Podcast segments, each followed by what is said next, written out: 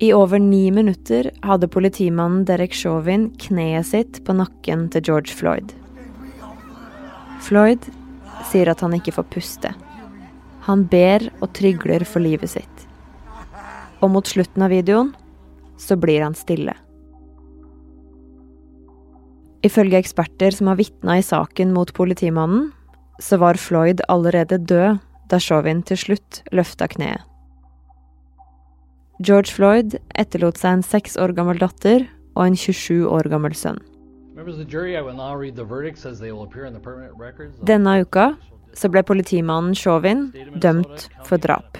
We, the jury, in the above entitled matter as to count one, unintentional second degree murder while committing a felony, find the defendant guilty. Kan denne dommen føre til noen endring i USA? Du hører på Forklart fra Aftenposten. Jeg heter Anne Lindholm. I dag er det torsdag 22. april.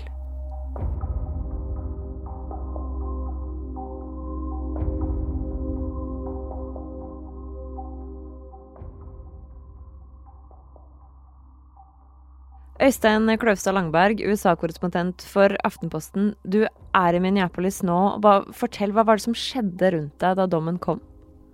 Nei, da det ble klart at det ville komme en dom, så var jeg på det stedet der George Floyd ble drept, utenfor den butikken Cup Foods. Og der har det egentlig oppstått et slags minnesmerke.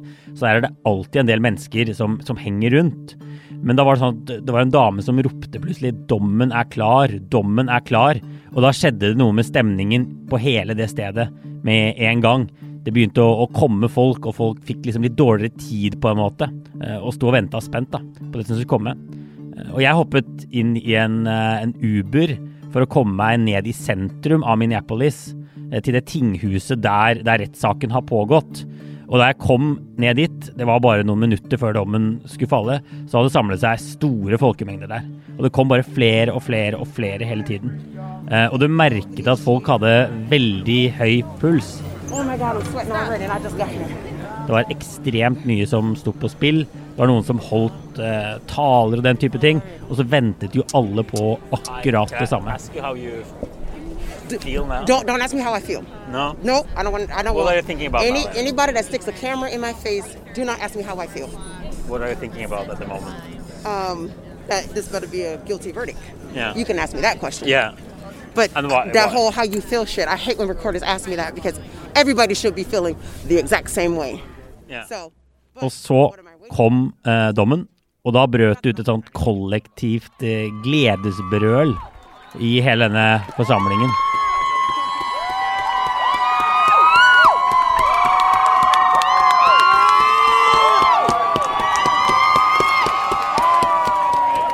Det var sånn at det bare ble høyere og høyere, den feiringen og den eh, jublingen da det ble klart at Chauvin ble dømt ikke bare på tiltalepunkt, men på alle tre.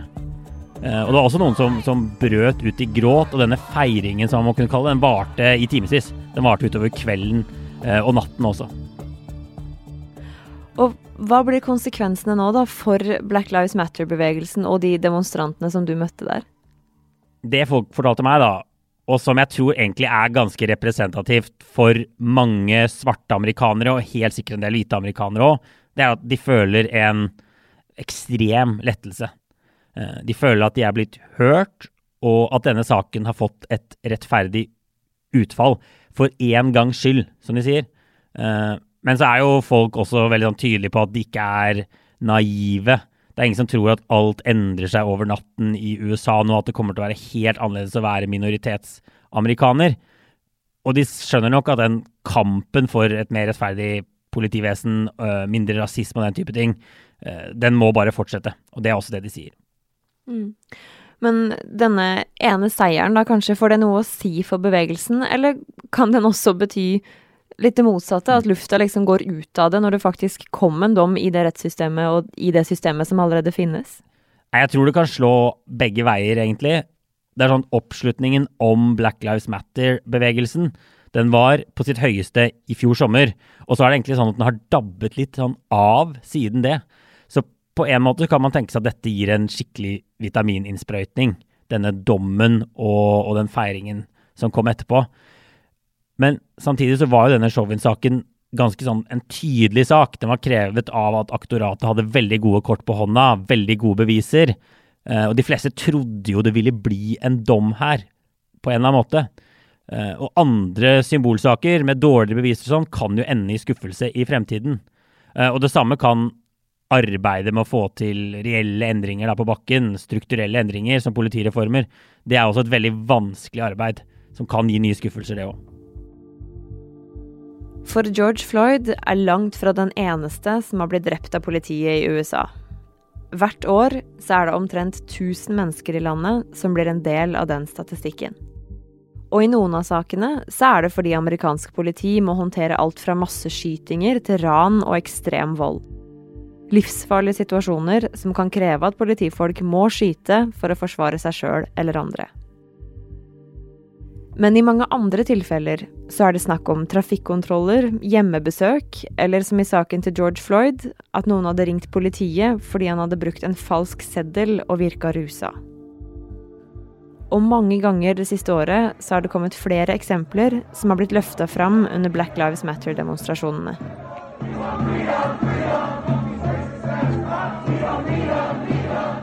Som Brianna Taylor, som ble skutt under et søk i leiligheten mens hun lå i senga si. Two police detectives for their roles in the Breonna Taylor case. Taylor was killed in a botched police raid in March. Der fikk de to politibetjentene sparken, men ingen ble tiltalt. Eller tolv år gamle Tamir Rice, som ble skutt da politiet trodde lekepistolen hans var ekte. Video from the November 2014 incident shows Officer Timothy Lohman shooting Rice seconds after Lohman and Officer Frank Garnback arrived on scene. Heller ikke her ble det noen rettssak, men en av politimennene fikk sparken tre år etterpå pga. andre ting. We're gonna stand up for Dante Wright. That's what's next. We're gonna stand up for Breonna Taylor. Sandra Bland, Eric Gardner. We're going continue to fight for everyone, everybody's family. So this is just the beginning. For de som har kjempet mot politivold og politiovergrep og fulgt alle de sakene som har kommet i USA egentlig over mange tiår, så har nedturene egentlig bare stått i kø. Det har vært skuffelse på skuffelse på skuffelse. Og det store håpet nå er jo at denne Chauvin-saken, som var en opptur, også er starten på en større og mer varig endring også inn i fremtiden, også for de familiene som nå venter på å få sakene sine opp. Normalt har jo jury latt tvilen komme politifolk til gode. Det skjedde ikke her. Annet fordi vi så at politifolk som normalt beskytter hverandre, isteden valgte å vitne mot hverandre. De brøt det som gjerne kalles the blue wall.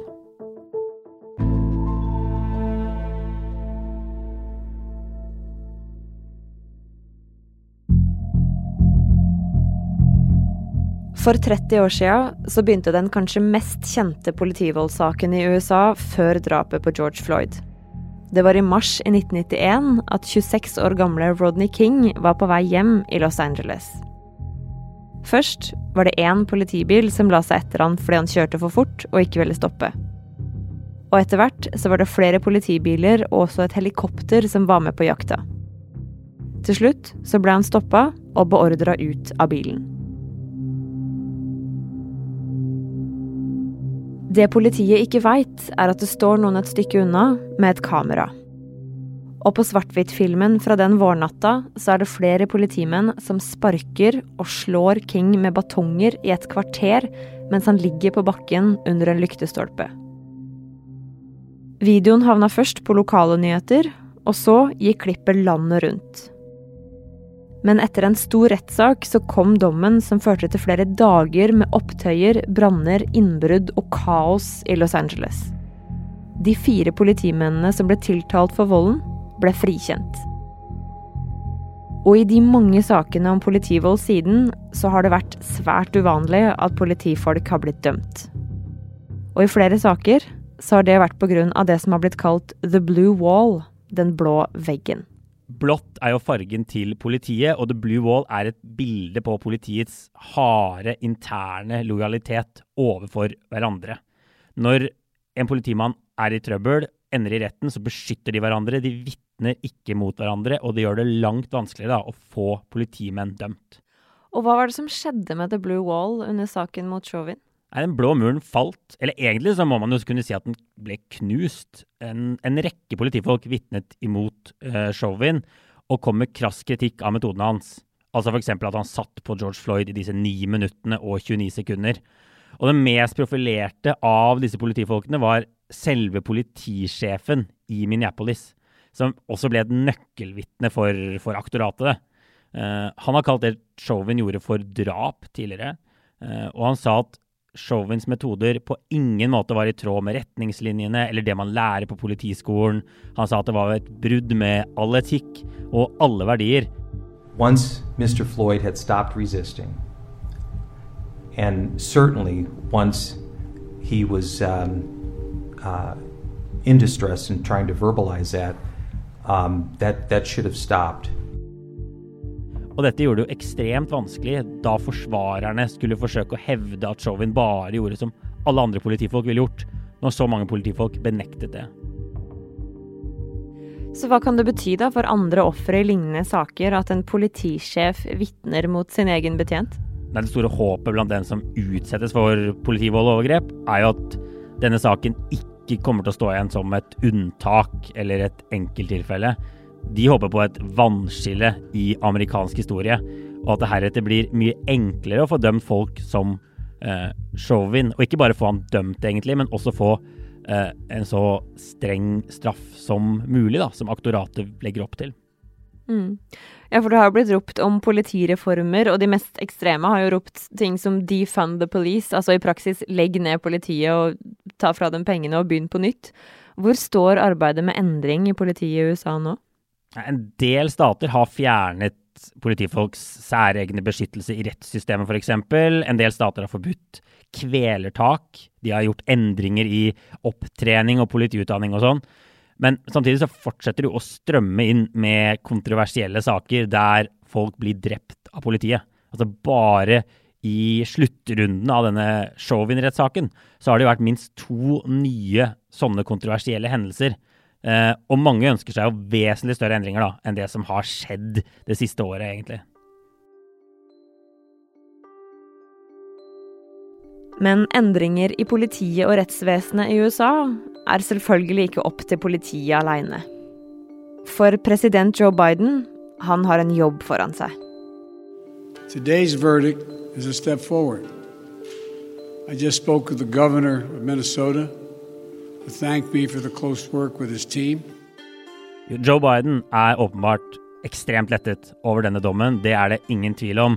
Hadde Chauvin blitt frikjent, så hadde vi trolig sett opptøyer over hele USA.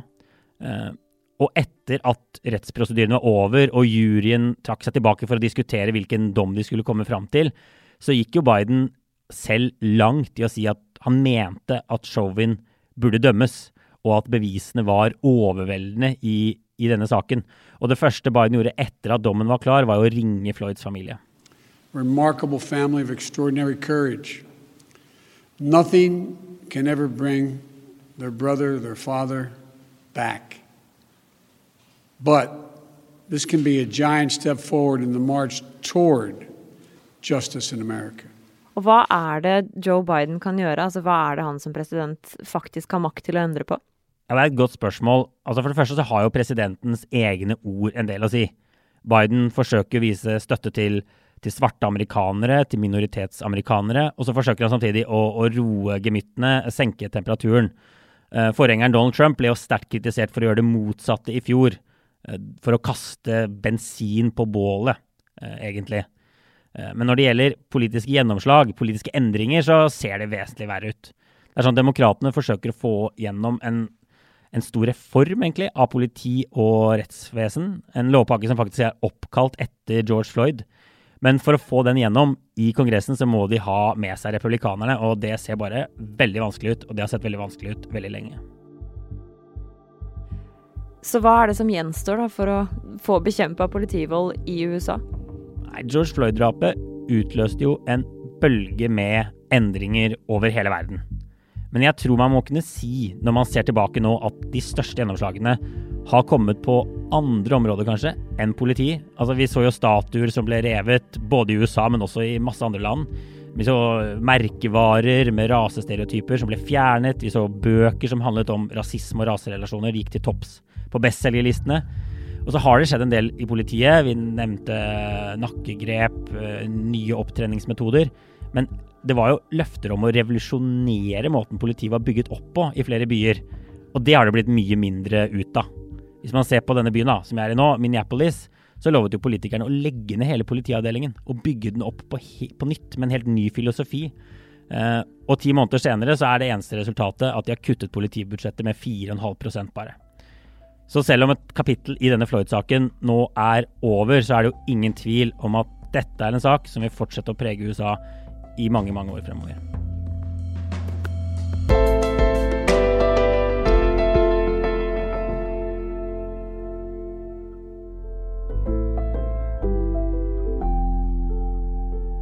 Denne episoden her er lagd av produsent Fride Næss Nonstad og meg, Anne Lindholm, med hjelp fra David Vekoni. Resten av Forklart er Ina Swann, Caroline Fossland og Marit Eriksdatter Gjelland.